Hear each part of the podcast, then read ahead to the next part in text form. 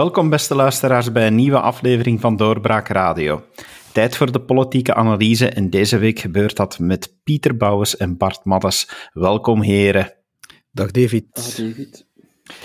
Eerst voor alle duidelijkheid, een van jullie beiden voorzitter of kandidaat-voorzitter bij CD&V? Nee? Niet uh, Bart als professor misschien? Uh, ik weet eigenlijk niet wat de, wat de voorwaarden zijn. ik, ben, ik ben waarschijnlijk al te oud. Ik weet dat ik al te oud ben. Ze zoeken een ik jong, er, een ik jong ga iemand. Ja, ik ga ervan uit dat jullie het niet zijn, zodanig dat we eh, in alle uh, eerlijkheid kunnen, uh, kunnen kijken naar wat er gebeurt bij die partij, Pieter. We hebben het er al vaker over gehad afgelopen weken in onze podcast. maar er blijft veel bewegen natuurlijk hè, bij CD&V. Ja, het is, het is eigenlijk, eigenlijk doet dat toch pijn aan de ogen hè, voor iemand die al lang politiek volgt in, in, in Vlaanderen om, om CD&V op die manier, moet je bijna zeggen, ja, bijna roemloos ten onder zien gaan eigenlijk. Hè. Maar ja, eerlijk gezegd, um, heel onverwacht komt dat toch ook allemaal niet. Um, de stemming laat uitwijzen, de, de, de CD&V wordt met geen, enkel, met geen enkel thema nog geassocieerd. Ja, ik heb vorige week uh, in mijn standpunt geschreven over uh, Sami Media en zijn antwoord op, in de debatclub op wat is volgens u waar staat CD&V voor, waar hij een antwoord gaf waar denk ik grotendeels van Vlaanderen kan achterstaan, maar waar je eigenlijk ook ziet dat een gemiddelde NVA dat antwoord misschien ook zal geven. En dan denk ik, ja, kijk, CD&V heeft volgens mij strategisch de foute keuze gemaakt om in Vivaldi te stappen. Um, heeft niet zwaar genoeg gewogen op het regeerakkoord Vlaams. En heeft de kans gemist om zich ja, een beetje te herprofileren na, na alweer jaren toch uh, in, in de regering. Ja, en, en er loopt veel fout bij CD&V. Ik bedoel, dat is een partij. Een paar weekends geleden sprak ik nog met iemand die actief was bij, bij CD&V Jongeren. Ja, waar je toch ook hoort dat vanuit die kabinetten en, en, en medewerkers van, van, van parlementsleden er toch wel echt een heel grote groep is die die partij naar zijn hand zet. Um, die weegt op verkiezingen, uh, interne verkiezingen, mensen die vanuit die kabinetten worden gepusht en, en dan verkozen geraken ten opzichte tegenover ja, basismilitanten die, die van elders komen. Um, dat zijn dan vaak hoogopgeleide stedelijke CD&V'ers, terwijl dat die electoraal in die partij nergens staan en dan krijg je wrijvingen, dan krijg je verschillende groepen tegenover elkaar en dan, dan, dan mist dat samenhang. En dan, enfin, overal lees en, en zie je wat, wat er moet gebeuren. Hè. Die partij moet, als ze nog een kans maakt, uh, gemoderniseerd worden. Dus wie die volgende voorzitter ook wordt, die moet daar ja, je kan veel over Conor Rousseau zeggen, maar dat heeft hij in de socialistische partijen vooruit dan wel gedaan. Daar eigenlijk een grondige grote kuis in die structuren gehouden. En dan moet je de partij teruggeven aan de, aan, aan de leden en, en die, die mandatarissen en, en hun personeelsleden een stem verkleinen. En dan denk ik dat je weer moet proberen om die partij een profiel te geven. Ja, als het al niet te laat is natuurlijk. Hè. Het standpunt van het partijbureau dat ze gisteren hebben gehouden, dat, uh, dat gaf natuurlijk ook een heel mixed signaal toch van wat we in de wandelgang hebben Zoals opgevangen. Ja, ja uh, oud-minister Pieter de Krem, die eigenlijk zegt, zie je wel, ik had gelijk, Vivaldi ging ons pijn doen. En automatisch dan het weerwoord uh, van de federale kabinetten die, die zeggen, ja maar ja, als we ergens bloeden, dan is het wel door het geklungel in de Vlaamse regering. Ehm, ja, Bart, verwijten over en weer gaat dat niet verder helpen, hè? Um, nee, absoluut niet. Nu hebben we al tijdens voorbije podcasts herhaaldelijk de, het proces gemaakt van, van CD&V, dus over het, het gebrek aan identiteit, uh, de, de moeilijkheid om, om zich uh, ja, te handhaven als, als centrumpartij zonder sterke persoonlijkheid. Maar je moet eens kijken naar de verkiezingsresultaten van 2019. Mm -hmm. En weet je in West-Vlaanderen voor het Vlaams parlement hoeveel stemmen CD&V toen heeft gehaald? Wat het procent was van CD&V? Zou je, je moet eens raden. Provinciaal? Provinciaal, ja, in de kieskring West-Vlaanderen.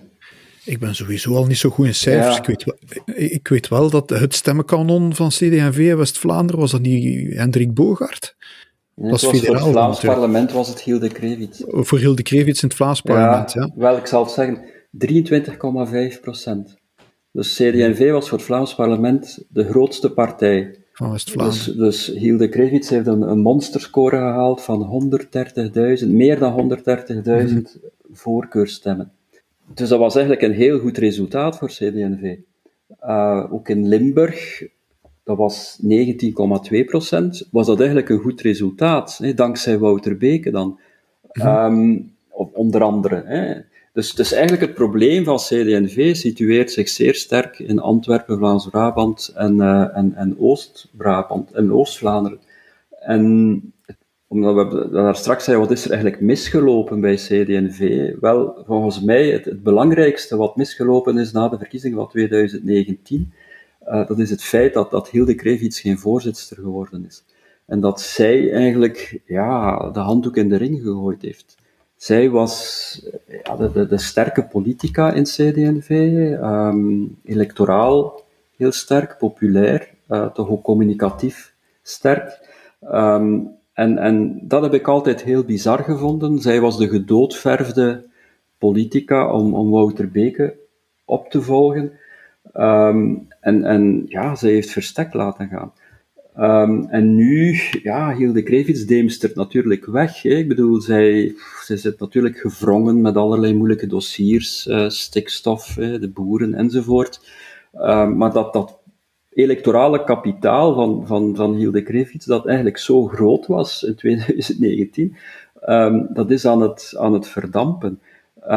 En dan in de plaats heb je dan een verkiezing gehad tussen een heleboel mensen van, van tweede en derde garnituur.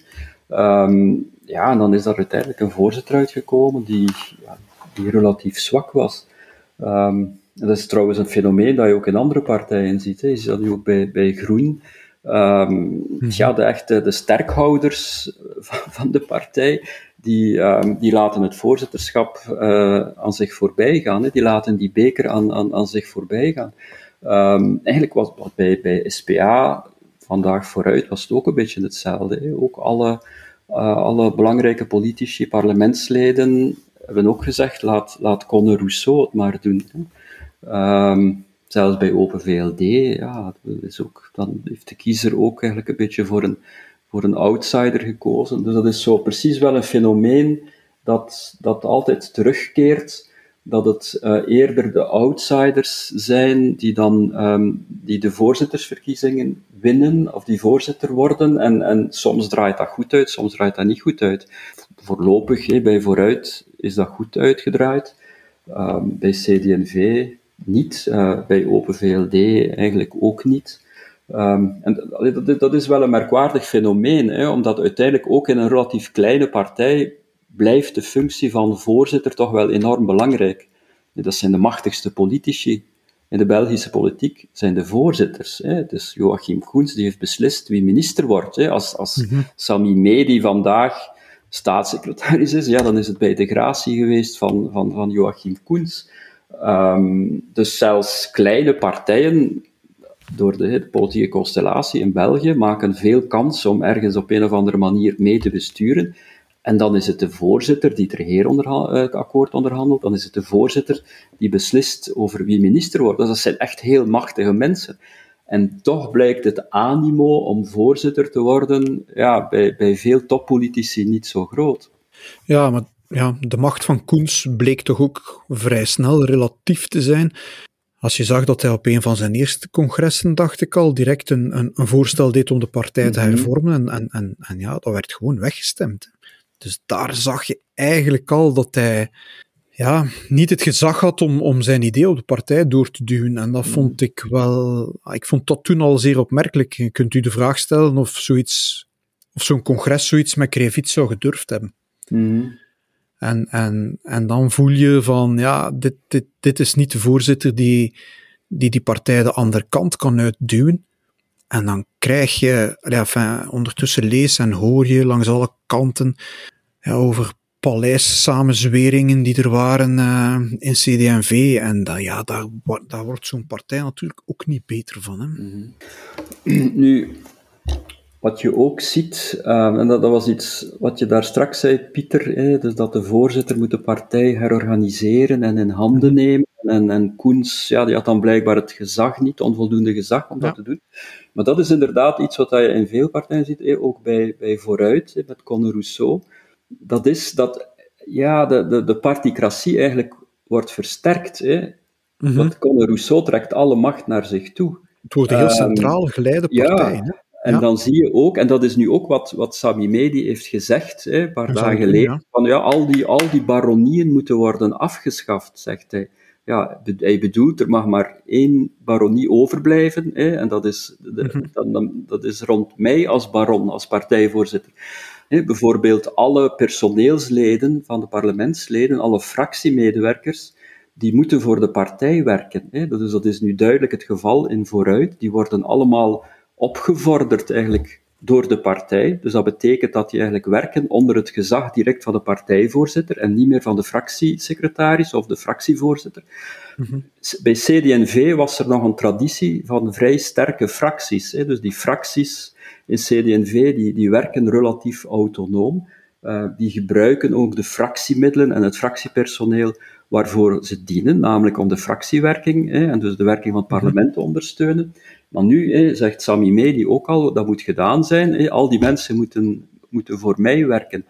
Dus die vernieuwing binnen de partij, ja, dat is, komt heel vaak neer op een versterking van, van de particratie. De centrale macht, hè, ja. ja. Maar goed, je, ziet de partijen die vandaag succesvol zijn, uh, Vlaams Belang, is bij uitstek zo'n centraal geleide partij. N-VA is bij uitstek zo'n centraal geleide partij. Um, vooruit is dat nu ook. Dat zijn wel de partijen die het op dit moment goed doen. En dan, dan ja, ik ben niet de grootste voorstander van die partijdiscipline. Maar het zijn wel de partijen die blijkbaar op dit moment het meest aangepast zijn aan het systeem, aan, aan, aan ja, de, de media uh, en, en hoe in de media het debat gevoerd wordt. En dus die partijen slagen erin om, om dan blijkbaar toch via dat systeem een, een, zichzelf goed te presenteren aan de kiezer. Mm. Zal de voorzitterswissel bij CD&V veranderingen kunnen betekenen voor de uh, regeringen? Ik ga in meervoud spreken, want zoals ik daarnet zei, de ene analyse is dat uh, Vivaldi doet bloeden, de andere analyse mm -hmm. is dat het Vlaamse uh, meer regeren mm -hmm. doet bloeden. Dus met andere woorden, zou het kunnen dat de nieuwe voorzitter waarschijnlijk Sami Medi, dat hij uh, daar ergens gaat op ingrijpen, bijvoorbeeld uit Vivaldi stappen, want dat lijkt dan nog het makkelijkste, aangezien ze daar mathematisch overbodig zijn. Dat zie ik niet gebeuren. Hij is natuurlijk zelf oud-staatssecretaris van die regering en ik denk niet dat hij daar zomaar zal uitstappen. Um, goed, op zich kan dat ook geen kwaad. Uh, maar goed, uh, ik denk eerder, ja goed, het zal gevolgen hebben, omdat als hij voorzitter wordt, zal hij een staatssecretaris blijven en dan komt er iemand nieuw. Um, ook daar worden al allerlei namen voor gesuggereerd. Um, ja, het lot van Wouter Beek, daar hebben we het dan eigenlijk over, denk ik. Want ik denk ook zomaar uit de Vlaamse regering stappen, dat zie ik eigenlijk ook niet gebeuren, omdat je daar heel weinig mee gaat bereiken. En dat is een legislatuurparlement dat, dat, kan niet, dat kan niet vroeger. Die regering kan wel ja, uiteenvallen, maar dan, dan, dan moet er een nieuw komen. Dan, dan stort je eigenlijk uh, die Vlaamse regering in de crisis. Waarom? Voor intern partij. Ik denk, mm -hmm. ik denk niet dat, dat dat echt zal gebeuren, maar ik denk wel dat ze zullen proberen om zich ja, strijdvaardiger op te stellen. Mm -hmm. En dat je dat wel zal voelen, dat dat een andere dynamiek en een ander evenwicht, vooral Vlaams, zal brengen. Ja. En de vraag is, zal Beke blijven? Hè? Mm -hmm.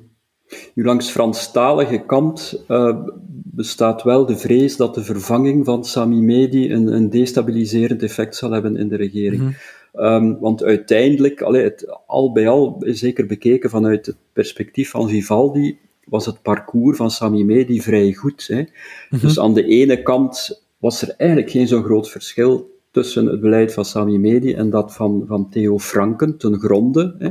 Klopt. Ja. Uh, dus dat was een, een redelijk ja, streng asielbeleid.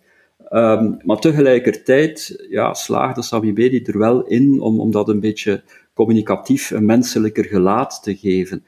Um, om, om minder uh, bruut uh, daarover te, te communiceren en, en ook om dus eigenlijk de coalitiepartners, dan vooral de linkse coalitiepartners niet te veel tegen zich in het harnas te jagen. Er is enkel op een bepaald moment een incident geweest met die hongerstakers in de zomer van vorig jaar. Maar afgezien daarvan is dat eigenlijk een, een, een vrij foutloos parcours geweest. Hè? Dus eigenlijk de, Ecolo en, en, en, PS kunnen zich daar eigenlijk wel in, in vinden. Hè? Wetende natuurlijk ja, dat het geen optie is om daar echt een, een, een, een bocht naar links te maken met het asielbeleid, dat de Vlamingen dan nooit zouden uh, aanvaarden. Uh, de Sami Media heeft, heeft, dat eigenlijk wel diplomatisch goed aangepakt binnen de Vivaldi-regering. Dus de vraag is, wie zal hem vervangen en, en zal die dat even goed kunnen doen? Hè? Zal die geen, geen potten breken? Uh, dus dat is de vrees langs uh, Franstalige kant. Voor de Vlaamse regering denk ik nu wel ja, dat, dat, dat men ook zal, zal opletten om nu niet de totale revolutie door te voeren. Uiteindelijk wat er, wat er is gebeurd de, de defenestratie van, van, van Joachim Koens, hè, dus ook het feit dat Sami Medi toch, ja, heel dat gebeuren, daar hangt toch wel een soort machiavellistisch geurtje rond. Hè. Ik bedoel, het is, het is duidelijk dat Sami Medi al lang zat te azen op dat voorzitterschap, eigenlijk zijn, zijn verlies bij de voorzittersverkiezing 2019 nooit echt heeft kunnen aanvaarden. Um, dat hij, ja, als je vooruit nu dat, dat interview herleest, um, half april in de tijd, hè, ja, bedoel, dat, dat, dat was echt een, een dolksteek in de rug van Joachim Koens. Hè. Dus daar, daar kon zelfs geen half woord van lof voor Joachim Koens vanaf. Hè. Dat was, als, als de partij mij nodig heeft, dan, dan, dan sta ik klaar. Dat was echt een sollicitatie. Dat was eigenlijk um, ja, de, de chroniek van de aangekondigde moord. Um, dus ik denk de manier waarop het gelopen is um, binnen CD&V, dat dat, dat dat wel wat kwaad bloed zet. Hè. Ook en vooral in West-Vlaanderen. Ik denk die, die brief van Felix Koens, dat dat mhm. ook wel een, een, een, een ja, breed gedeeld uh, gevoel weergeeft in West-Vlaanderen. Uiteindelijk was, was ja, Joachim Koens toch een van hun. Het zijn ook de West-Vlamingen die hem, die hem verkozen hebben als, als, als voorzitter. Um, dus ik heb ook wel het gevoel dat nu zoiets zal zijn bij de CD&V van nu is het genoeg geweest. Hè. We gaan nu niet nog een keer ook Wouter Beke uh, een dolk in de rug steken en, en, en alles, alles uh, overhoop gooien. En, en dat Sami Mee, die zich ook wel toch een beetje gedijst zal, zal moeten houden. Hè. Dat zal ook niet de voorzitter zijn die zomaar zal kunnen doen wat hij wil. Dat denk ik ook niet, want allee, bedoel, laat ons eerlijk zijn, de, allee, ik heb daar net ook al voor een deel gezegd, de kracht van, van CD&V, dat is ook wat Bart zegt, die ligt eigenlijk op, op de buiten, niet in de steden. Niet in de Vlaamse ruit, hè, de, de, uh, Brussel, Leuven, uh, Antwerpen, Gent, hè, die, die hoek, dat is niet de sterkste kant van CD&V, die ligt daar buiten. Sami Medi is een stedeling. En ik heb niet de indruk dat hij de man is die echt gaat verwoorden wat die andere, bedoel, die andere CD&V'ers graag zien. Die honderd burgemeesters die CD&V nog heeft, die komen, ja, dat zijn geen stedelijke burgemeesters voor het grootste deel. Hè. Uh, Integendeel. En dan heb je zo iemand als een, een Walter de Donder, die, die uh, ja, eerder een tweederangsfiguur is, burgemeester van Afligem, maar die wel, denk ik, heel goed die ontevredenheid van die lokale CD&V'ers kan, kan kanaliseren. Dus als hij opkomt, zou dat wel eens een belangrijk signaal kunnen zijn. En ik denk dat, dat ze zich daar nationaal best niet te veel in verslikken. Uh, ik denk dat het, het, programma waar, waar zo iemand als de donder voor staat, dat dat wel eens breder zou kunnen gedeeld worden dan het, uh, ja, het stedelijke, uh, hippe, christendemocratisch van medie, hoe, hoe goed medie ook, ook dat allemaal kan uitleggen. Hè.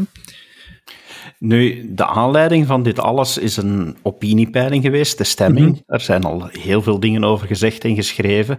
Maar uiteindelijk, veel politici reageren altijd op een opiniepeiling van het is maar een peiling, maar we zien nu toch dat de peiling, of dat deze peiling het effect kan hebben dat er iemand zijn kop rolt. Mhm. Ja, Bart, gaan opiniepeilingen nog altijd meer een rol gaan spelen? Ja, dus dat vind ik eigenlijk de, de meest hallucinante kant van, van heel dit verhaal. Hè. Ehm, zelfs al is het dan zo, dus men zegt nu van de CD&V'ers zaten eigenlijk te wachten op, op een slechte opiniepeiling om Joachim Koens te kunnen buitensmijten. Uh, dus dat was eigenlijk ja, maar, een, maar een aanleiding uh, om, om de voorzitter te, te vervangen. Maar dan nog, ik bedoel, ja, die, er is die politieke impact van, uh, van zo'n peiling. En dan moet je natuurlijk weten, ik denk dat de meeste mensen daar eigenlijk een totaal verkeerd beeld van hebben van hoe zo'n peiling werkt. Hè. Dus de mensen denken van oké, er zijn 2000 um, mensen opgebeld, hè, dus door dat commerciële bureau Kantar. Um, mm En dan, hè, als van die 2000 mensen hè, uh, 8,7% zeggen van ik stem voor CD&V, ja, dan heb je het resultaat 8,7%. Dat dat zo echt een, een, een, een, een, een zwart-wit aangelegenheid is. Nu, dat is niet zo. Hè. Dus uit zo'n peiling, die ruwe, die ruwe resultaten, uh, die zijn totaal onrealistisch. Hè. Vlaams Belang wordt daar altijd enorm onderschat. Uh, er zijn ook heel veel mensen die, um, die niet willen antwoorden, of die zeggen dat ze, dat ze blanco of ongeldig uh, zullen stemmen. Dus om die, die ruwe resultaten um, om te vormen tot, tot iets wat dat presenteerbaar is, moet, moeten die pijlers beginnen te wegen. Hè. Ze vragen dan van voor welke partij heb je de vorige keer gestemd, in 2019.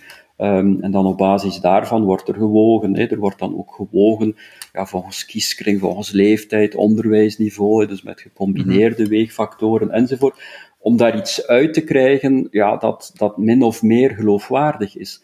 dus je moet, dat zijn knoppen waaraan men draait. Als men een beetje meer weegt volgens die factor, ja, dan, dan, dan heeft CD&V, had CD&V een beetje een hogere score. Als men meer weegt volgens die factor, een lagere score, enzovoort. En dat is eigenlijk heel ontransparant. Ik denk zelfs dat die, die collega-politicologen van, van Antwerpen en de VUB ik denk zelfs dat zij niet echt in die interne keuken kunnen kijken van, van Kantar. Hè, van hoe, hoe halen ze daar nu eigenlijk die, uh, die, die, die procenten uit die dan worden gepubliceerd als resultaat van, uh, van de peiling. En het grote probleem daarbij is ook dat, dat wij eigenlijk maar heel weinig peilingen hebben. Hè. Dus mm -hmm. dit was de tweede peiling van dit jaar. Uh, dus er was er alleen geweest, weliswaar. Dit was dus de tweede peiling. Nu, de peiling van de standaard en VRT, dus alle peilingen zijn onbetrouwbaar, maar de, de peiling van uh, de standaard VRT is de, de meest onbetrouwbare peiling. Hè. Als u weet dat in de aanloop um, naar de verkiezingen van uh, 2019, dus de onmiddellijke aanloop naar de verkiezingen van mei 2019, ja, voorspelde die, deze peiling dat het Vlaams Blok 9% zou halen. Het is uiteindelijk dubbel zoveel geweest uh, geworden. Hè. Dus de peiling van Le Soir zat er, zat er dichterbij. Dat, was, dat was iets van 14, 15 procent. Dus die, die zaten veel dichter bij, de, het, werkelijke resultaat van, um, van uh, het, het, Vlaams Belang. En dan hebben ze gezegd van, hè, dat, dat, vroeger die peiling van VRT, de standaard, dat was zo drie keer per jaar. Hè. Dan hebben ze vanaf 2020 gezegd, we gaan dat maar één keer meer doen, de stemming. Uh, en we gaan eigenlijk zo die, uh, die echte procenten, die voorspellingen van de verkiezingsuitslag, we gaan dat een beetje wegmoffelen. Ik herinner mij dat, dat um, Jan van de Kastelen zich daar nog vrolijk over heeft gemaakt op doorbraak.be. Dat was dan de peiling die, er, die er geen wou zijn, schreef hij toen.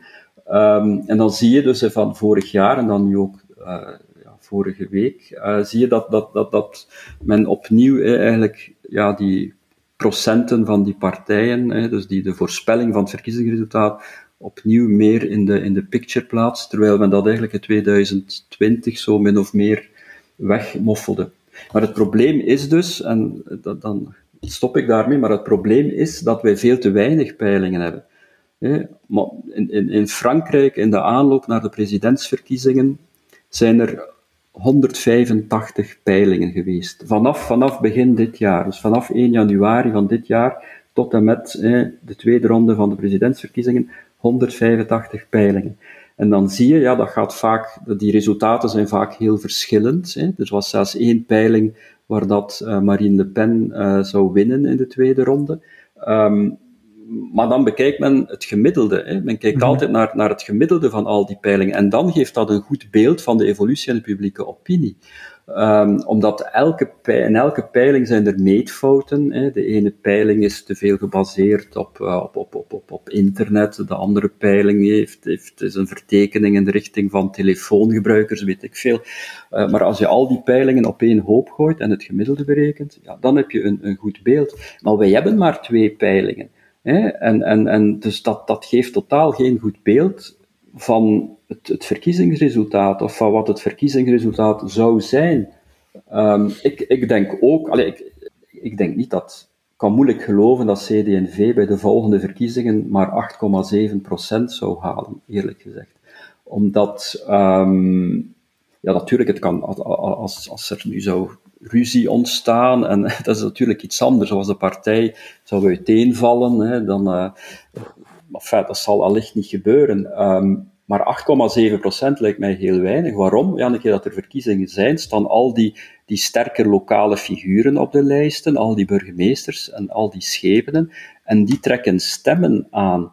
Um, en die maken allee, dat, dat er toch nog altijd een, een, een redelijke buffer is van stemmen voor CD&V.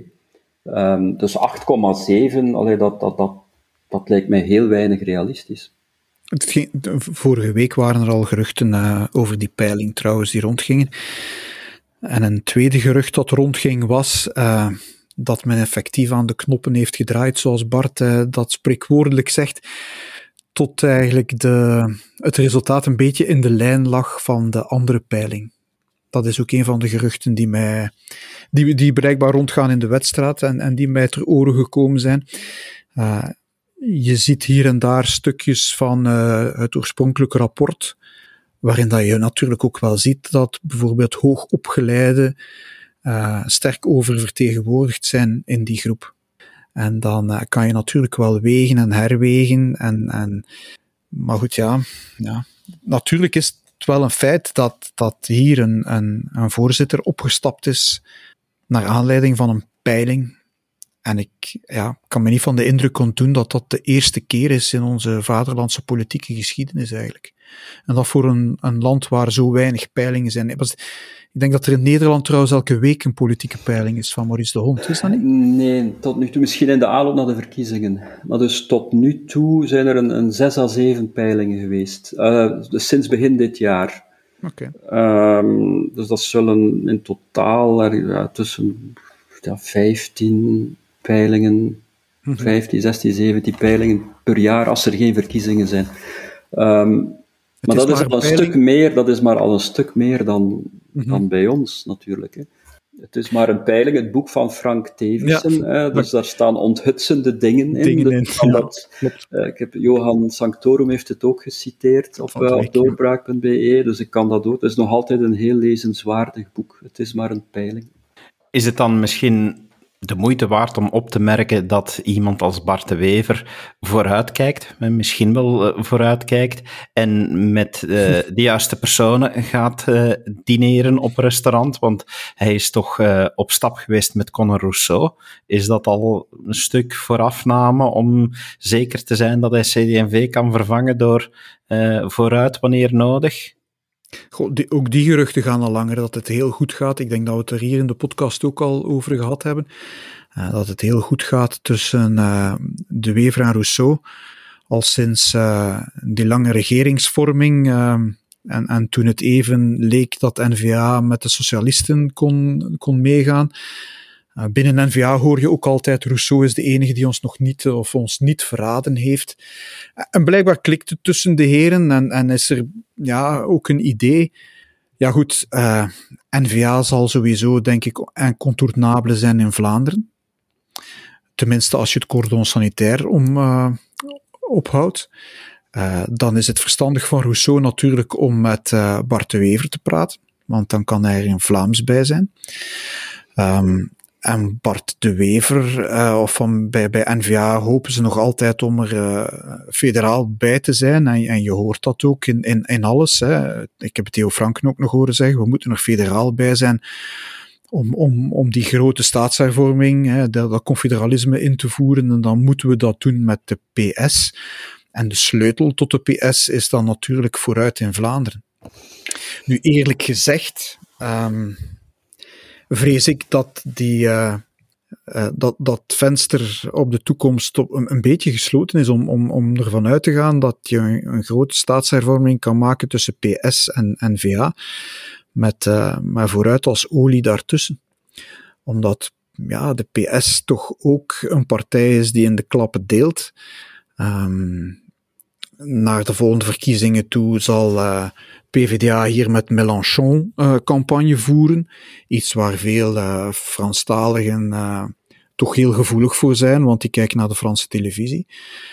PS zit een beetje in de hoek waar de klappen vallen. En de vraag is of dat, dat, dat voorstel dat ze toen gemaakt hebben van kijk, een, een sociaal beleid in ruil voor heel wat um, communautaire toegevingen. Hè, dat was het, het wat, was, wat op tafel lag tussen De Wever en Magnet toen. Uh, of dat vandaag nog kan. Mm -hmm. Ik twijfel daaraan. En ja. eerlijk gezegd denk ik dat die tijd voorbij is. Mm. Maar dat kon toen al niet. Hè? Dus dat kon ja, al niet kon, in, in, ja, in, de zomer van 2020, omdat die fameuze bubbel van vijf die dan gevormd is rond dat akkoord, die kwam niet aan de meerderheid. Hè? Vandaar, dat, vandaar dat dan en Boucher gaat er vandaag ook niet in meestappen. Hè? Nee, nee, maar toen ook al niet. Hè? Nee. Dat, nee. Daarom vroeg eh, Bart de Wever aan, aan Lachaert om Boucher te laten vallen, wat dat Lachaert dan niet wou. En dan heeft Lachaert een tegenbubbel gevormd met, met, met groen mm -hmm. enzovoort. Maar over die, maar, allee, die romance tussen, tussen Conde Rousseau en, en Bart de Wever, het, het vreemde daarbij vind ik een beetje ja, dat ze er precies geen probleem ermee hebben, die twee, om dat aan de grote klok te hangen. Mm -hmm. Of ze spreken dat ook niet tegen. Nee, ze gaan samen uh, gaan eten en, en ja, blijkbaar zorgen ze er dan voor, ik weet niet hoe, via een tweet of zo, dat dat dan ook bekend geraakt. Terwijl dat, dit zijn toch dingen waarvan ik zou zeggen van, doe dat achter de schermen. Hè. Als je afspraken wil maken, doe dat achter de schermen. Dat is, dat, dat is niet dom. Ik denk dat daar een zekere, dat dat wel verstandig is van Bart de Wever, om, om, om Rousseau... Ja, maar, maar, maar zwijg ja. daarover, want uiteindelijk, hm. ja, Conde Rousseau stelt zich op die manier zeer kwetsbaar op. Hè. Dan zegt Raoul Hedebouw van ja, maar, maar ja, stem, een stem voor vooruit is een stem voor NVA, hè, is een stem voor, uh, voor, de, ja, voor, voor, dan in hun ogen uiterst rechts. Uh, mm -hmm. Terwijl omgekeerd, ja, Bart de Wever stelt zich ook kwetsbaar op, hè, omdat dan Open VLD kan zeggen, ja, NVA doet zich voor als een, als een liberale blauwe partij economisch, maar in feite bakken ze achter de schermen al zoete broodjes met met Conde Rousseau, met, met Vooruit en voor NVA. Eh, de NVA is bereid om een belastingverhoging te aanvaarden of een vermogensbelasting te aanvaarden in ruil voor wat meer Vlaamse autonomie. Dus ze zouden daar, daar beter over zwijgen. Maar dit gezegd zijnde is natuurlijk wel het goede nieuws vanuit Vlaams gezind oogpunt. Um, ja, dat Conde Rousseau, die eigenlijk communautair gezien een soort onbeschreven blad is. Hè. Dus zelf, over Brussel weet hij niets, zegt hij. Hè. Dus eigenlijk institutioneel communautair is dat een onbeschreven blad. Dus dan ben ik wel blij dat het Bart de Wever is die dat onbeschreven blad volschrijft. Hè. Um, en die dus eigenlijk Conde Rousseau in Vlaamsgezinde richting duwt. Hè. En ik denk dat ook wel hè, de, de Elgardus-doctrine daar ook wel bij helpt. Hè, want uiteindelijk, ja, bij Elgardus is er toch ook wel een, een, een Vlaams gezinde fond, uh, omdat Elgardus toch ook Vlaanderen ziet als voor de hand liggende gemeenschap uh, en, en, en niet België. Uh, dus als, als men op die manier allee, de linkerzijde in Vlaanderen opnieuw een beetje in de richting kan duwen van een meer Vlaamsgezind standpunt, ja, dan, uh, dan alle applaus daarvoor, zou ik zeggen. Ander vreemd fenomeen, misschien dat we ook uh, niet kunnen negeren deze week, is dat ik voor de eerste keer, denk ik toch, heb meegemaakt dat een Kamerlid oproept aan een andere fractie om niet op te komen bij de volgende verkiezingen. Met name Theo Franke vraagt aan Vlaams Belang, dien geen lijsten in voor de volgende verkiezingen. Ja, ik begrijp wel van waar die oproep komt, maar dat is toch ook wel heel opmerkelijk. Ja, ja maar het is een beetje een, een zwaktebod, vind ik wel, hè, van die, Theo die stilte Franken. alles eigenlijk. Ja, ja. ja. omdat, ja, ik kan dat natuurlijk niet ernstig menen, uh, maar waarom zegt hij dat dan? Um, en, en zelfs, uh, natuurlijk heel, uh, heel hypothetisch, virtueel, maar, maar stel nu een keer dat Vlaams Belang zou zeggen van, goed idee Theo, hè, we, we gaan niet opkomen bij de volgende verkiezing. Ja, dat zou contraproductief werken, hè, omdat ja, dan, dat, de N-VA zou, zou nooit aan het stemmenpercentage komen dat de N-VA en Vlaams Blok vandaag samenhalen. Hè. Uh, omdat uiteindelijk Vlaams Belang bereikt ook een bepaald publiek dat dat ook niet snel voor N-VA zou stemmen, dat misschien zou thuisblijven, of eventueel zelfs voor PVDA zou stemmen. Dan zou die echte antisysteemkiezers, die zie ik ook niet zo snel voor, voor, voor, voor de N-VA stemmen. Dus het is eigenlijk ja, door, om, omdat ze ook voor een stuk, er is een overlappend electoraat natuurlijk, maar er is ook een, een apart electoraat uh, van N-VA en, en, Vlaams Belang. En het is precies door die aparte electoraten te bespelen dat, dat mm -hmm. de absolute meerderheid voor de Vlaamse nationalisten in zicht komt. Maar langs de andere kant is het ook, ja, ik, ik begrijp Franken voor een deel, maar langs de andere kant, ja, als je vandaag kijkt naar de federale regering. Kijk, we staan in principe twee jaar voor de verkiezingen en je ziet nu al, die Vivaldi-regering die is op. Hè, dat, dat, we hebben daar niets meer van te verwachten eigenlijk. Hoe daar intern elkaar wordt tegengewerkt en koninklijke besluiten worden genomen, eigenlijk via een omweg dat de anderen er niets van weten en dan, en dan intern wordt dat tegengewerkt door een andere partij, dan denk je toch, en, en Calvo vraagt dan van laat ons opnieuw het, het regeerakkoord onderhandelen, dan denk je toch, enfin, waar zijn ze mee bezig? Wie wil vandaag nog in een federale regering het verschil maken? Ik versta echt niet, als je vandaag kijkt, hoe CD, hoe, CD&V ging ik wel zeggen, hoe N-VA eigenlijk in die volgende federale regering het verschil wil maken. Ik denk dat ik het hier al gezegd heb, maar er valt uit een Belgische federale regering vandaag geen, geen winst meer te halen. Hè?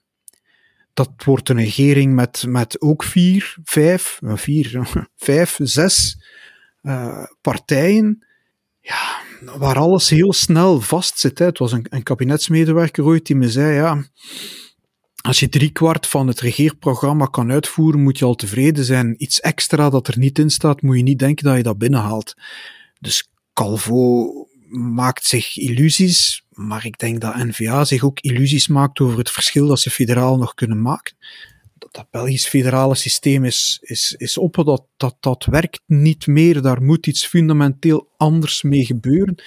Maar de vraag is alleen hoe gaan we dat nog georganiseerd krijgen? Hè? Want zelfs die, onder, zelfs die verandering krijgen we niet meer georganiseerd.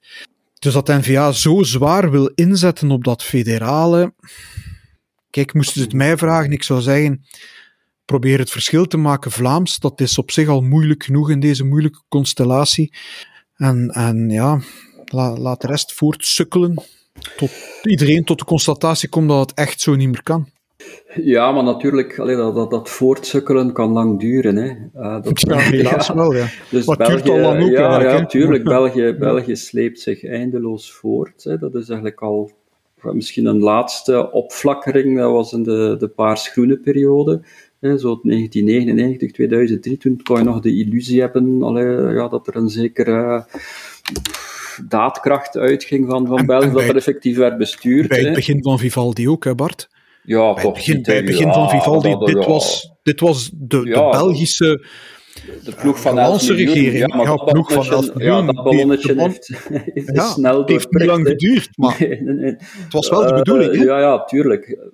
Dus ja, dat... Maar natuurlijk, de NVA, enfin, ik moet het standpunt van de NVA niet, niet verdedigen, maar dat is ook de reden waarom de NVA zegt van kijk, nu, we willen zo allee, sterk genoeg worden om eindelijk het confederalisme te kunnen forceren en dan in feite ja, toe te treden tot, tot de laatste Belgische regering, of toch de laatste Belgische regering binnen het huidige federale model. Ehm, alleen, ja, het is dan de vraag, waar, waar zal de NVA dan de hefbomen vandaan halen? Hè? Dan moet de, moet de NVA al echt heel groot worden om, om, te kunnen, om dat te kunnen forceren. Ehm, en die Vivaldi-regering, ja, dat is altijd, bedoel, hoogstwaarschijnlijk zal Vivaldi nog altijd een meerderheid hebben na de verkiezingen van 2024. Uh, hoe, hoeveel stemmen de, de, de Vivaldi-partijen ook verliezen. Uh, maar het zou al heel vreemd moeten lopen ja, dat, dat, die, dat, dat, ze geen meerderheid meer hebben. Want er zal altijd wel een Vivaldi-partij zijn die ook misschien zal wat, wat, wat zetels zal winnen. Um, dus ja, dat, dat is de vraag. En dan, maar dat, dan, we vallen altijd maar in herhaling. Ja, dan zal natuurlijk allee, cruciaal zijn van hebben de Vlaamse journalisten een meerderheid in het Vlaams parlement um, die ze kunnen inzetten en zijn, ze, en zijn ze bereid om dat te gebruiken als, als hefboom om echt uh, federale doorbraak te, te, forceren, al was het maar door daarmee te dreigen, zal de NVA het echt hard durven en willen spelen op die manier. Maar dat hebben we al honderdduizend keer gezegd. In, dat, in dat opzicht is natuurlijk, enfin, de, de, de geruchten over vervroegde verkiezingen blijven ook maar hangen. Um, omdat bijvoorbeeld PS uh, uh, het niet ziet zitten om al die verkiezingen op één dag te hebben, omdat je dan eigenlijk een veel te groot risico neemt. Als die verkiezingen slecht zijn, is het wel overal slecht. En dan probeer je dat misschien beter, beter te spreiden. Maar goed, um, dat blijft natuurlijk altijd een soort glazen bol politieke analysme. Um, maar een, federale verkiezing die eerst valt, zou in dat opzicht wel goed kunnen zijn. Omdat je dan eigenlijk, als er Vlaamse verkiezingen zijn, zie je dan waar je aan toe bent uh, in, in, die federale regering. Uh, is er al een federale regering? Hoe lopen die onderhandelingen? En dan kan men Vlaams wel proberen om te zeggen van kijk, uh, dit is wat wij gaan doen. Mm -hmm. En trek er de conclusies uit. Ja. Wij moeten alleszins niet in herhaling blijven vallen. Uh, nee. wij, gaan het, wij gaan het hier niet laten aanslepen. En ik heb ook geleerd dat uh, we zelf beter ook peilingen beginnen te doen met een uh, statistisch vermogen misschien van onze eigen redactie, om daar goede conclusies te kunnen uittrekken. Alleszins heel hartelijk dank, Pieter Bouwens, Bart Maddes. Graag gedaan. Dag. En uw beste luisteraar, dank u wel dat u geluisterd hebt en heel graag tot de volgende keer. Dag. Dit was een episode van Doorbraak Radio, de podcast van doorbraak.be. Volg onze podcast op doorbraak.be/slash radio of via Apple Podcasts, Overcast of Spotify. Bezoek ook onze website op doorbraak.be en steun ons door een vriend te worden van Doorbraak.